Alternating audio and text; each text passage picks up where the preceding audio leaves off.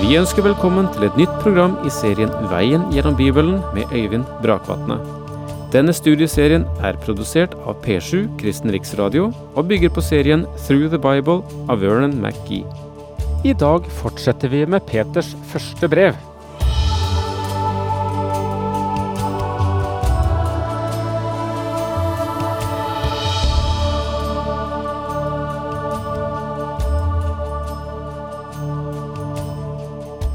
Vi rakk så vidt å ta en liten introduksjon til kapittel to i eh, første Peters brev, før vi sa farvel til hverandre sist.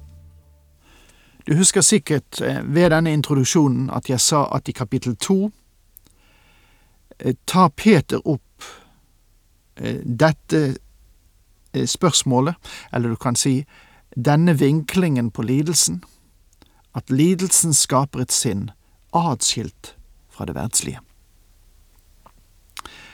Og det er eh, en, en viktig side ved lidelsens liv også.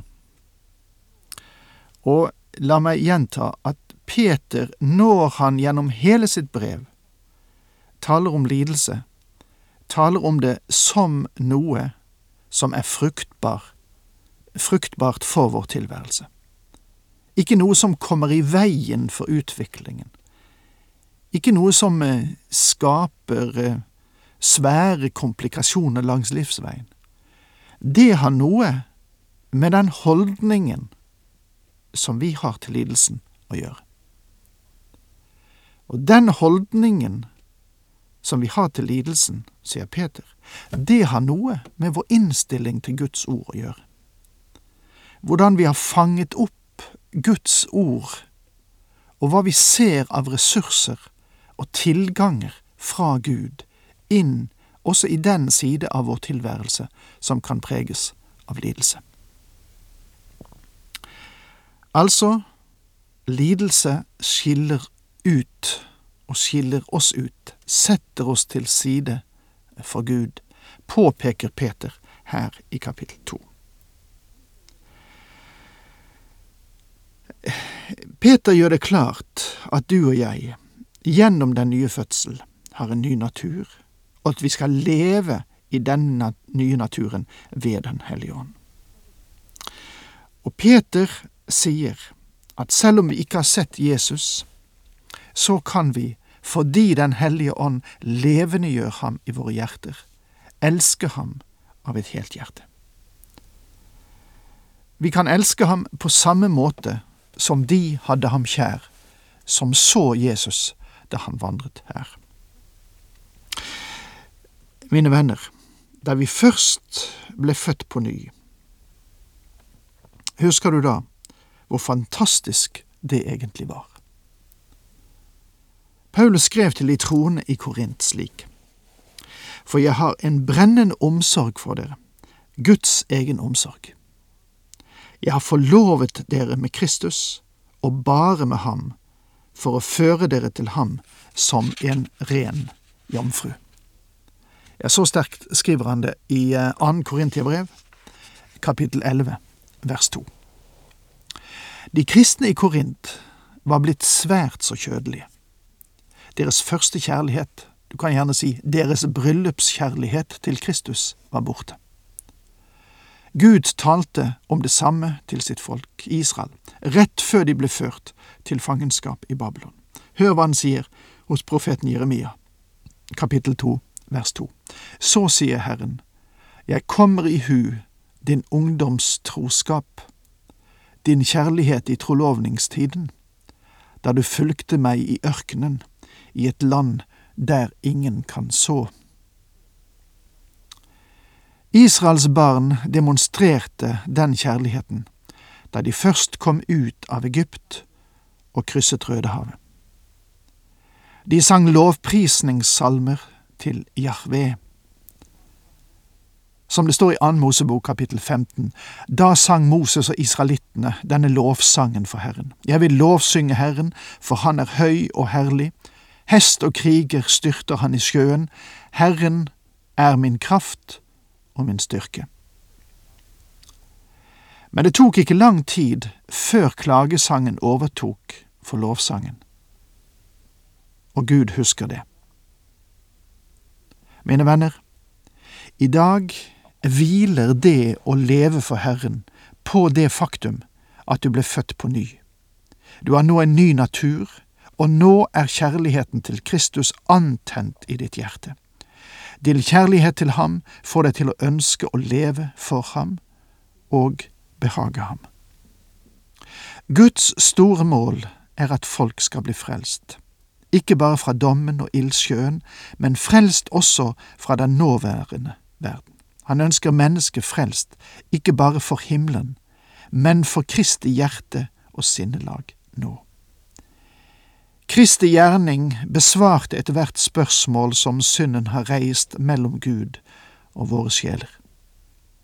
Fremtiden er lys og fylt av Guds herlighet, og vi er ført inn i rikdommen i denne forløsergjerningen. Vi er blitt født på ny, og ingen, ikke engang Satan, kan forandre eller omstøte det. Men, mine venner, hvordan går det med kristenlivet vårt her nede på jorden i dag?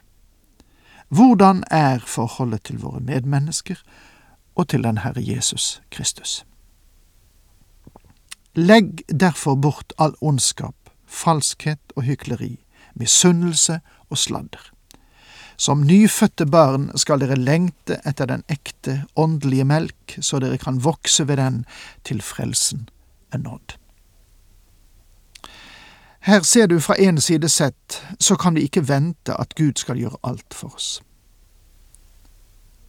Eh, han har noe vi også skal gjøre. Først er det ting som vi må legge til side. Og Paulus ligner det med å ta av seg et klesplagg når han skriver Efeserbrevet. Og Der står det i det fjerde kapittel versene 22 og 25 slik. Dere skal ikke leve som før, men legge av det gamle mennesket som ble ødelagt av de forførende lystene. Legg derfor av løgnen, tal sant, vær med sin neste, for vi er jo hverandres lemmer. Paulus bruker et annet bilde for å beskrive dette for korintierne. Rens ut den gamle surdeigen, så dere kan være en ny deig. Dere er jo som usyret brød, for vårt påskelam er slaktet Kristus. Så la oss holde høytid, ikke med gammel surdeig av ondskap og synd, men med renhets og sannhets usyrede brød. Første Korintiabrev, kapittel fem, vers sju og åtte.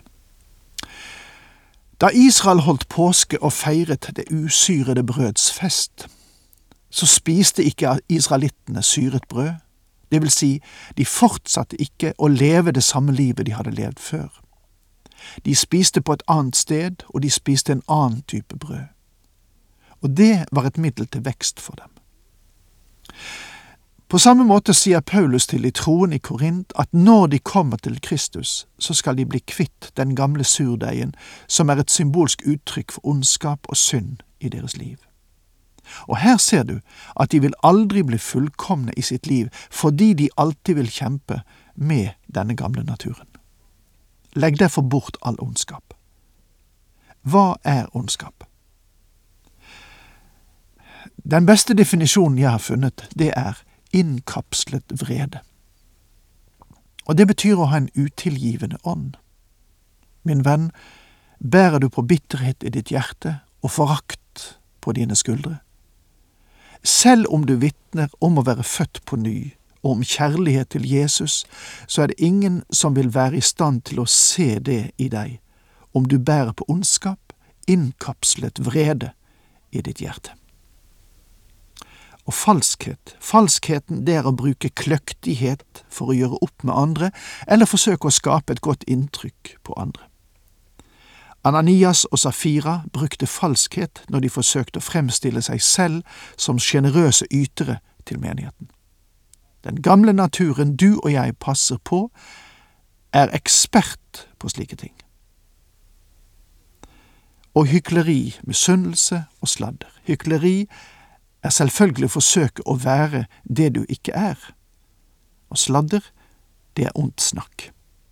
Som nyfødte barn skal dere lengte etter den ekte, åndelige melk. I stedet for ekte, så kan det også oversettes med ren melk. Dette er altså en føde der det ikke er noen forurensning. En troende skal gripe etter og lengte etter Guds ord som en sulten baby lengter etter ren og ekte melk.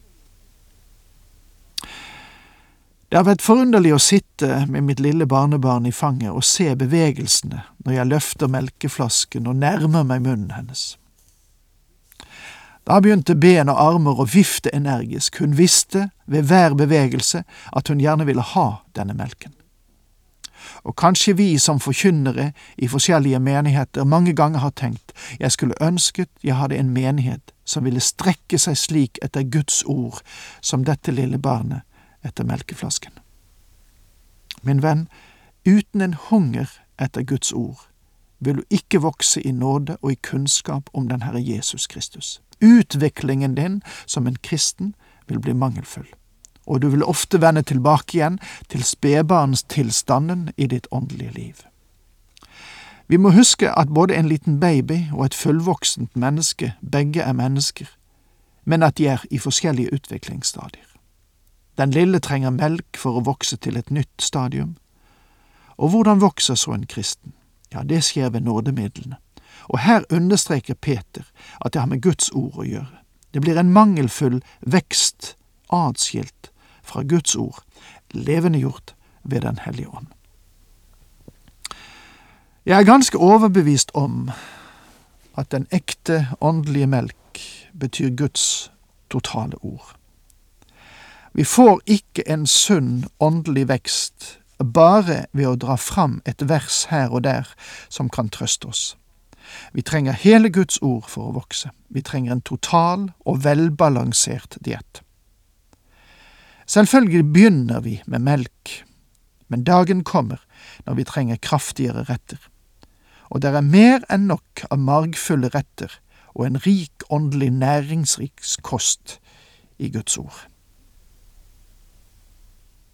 Dere har jo smakt at Herren er god. Peter slår fast et faktum her. Dere har jo smakt, og de han skriver til, vet at Herren er nådig og god. Og når de først har smakt det, så må de passe på å fortsette med å ta til seg av Guds ord. Mange venner seg til andre smakstilsettinger og mister smaken på Guds ord ettersom tiden går. Og det er en kritisk situasjon for utvikling til et modent kristenliv. Det er et forhold som vi må våke over og passe på. Kom til ham, den levende stein, som vel ble vraket av mennesker, men er utvalgt og dyrebar for Gud.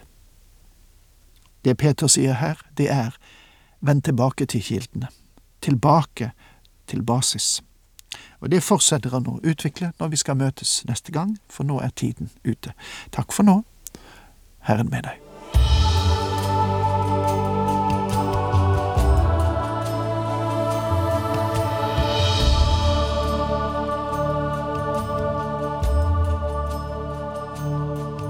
Du hørte Øyvind Brakvatne i studieserien Veien gjennom Bibelen. Serien bygger på et manus av Vern McGee. Har du spørsmål eller kommentarer til programmet, kan du sende en e-post til vgb krøllalfa p7.no. Takk for i dag, og på gjenhør.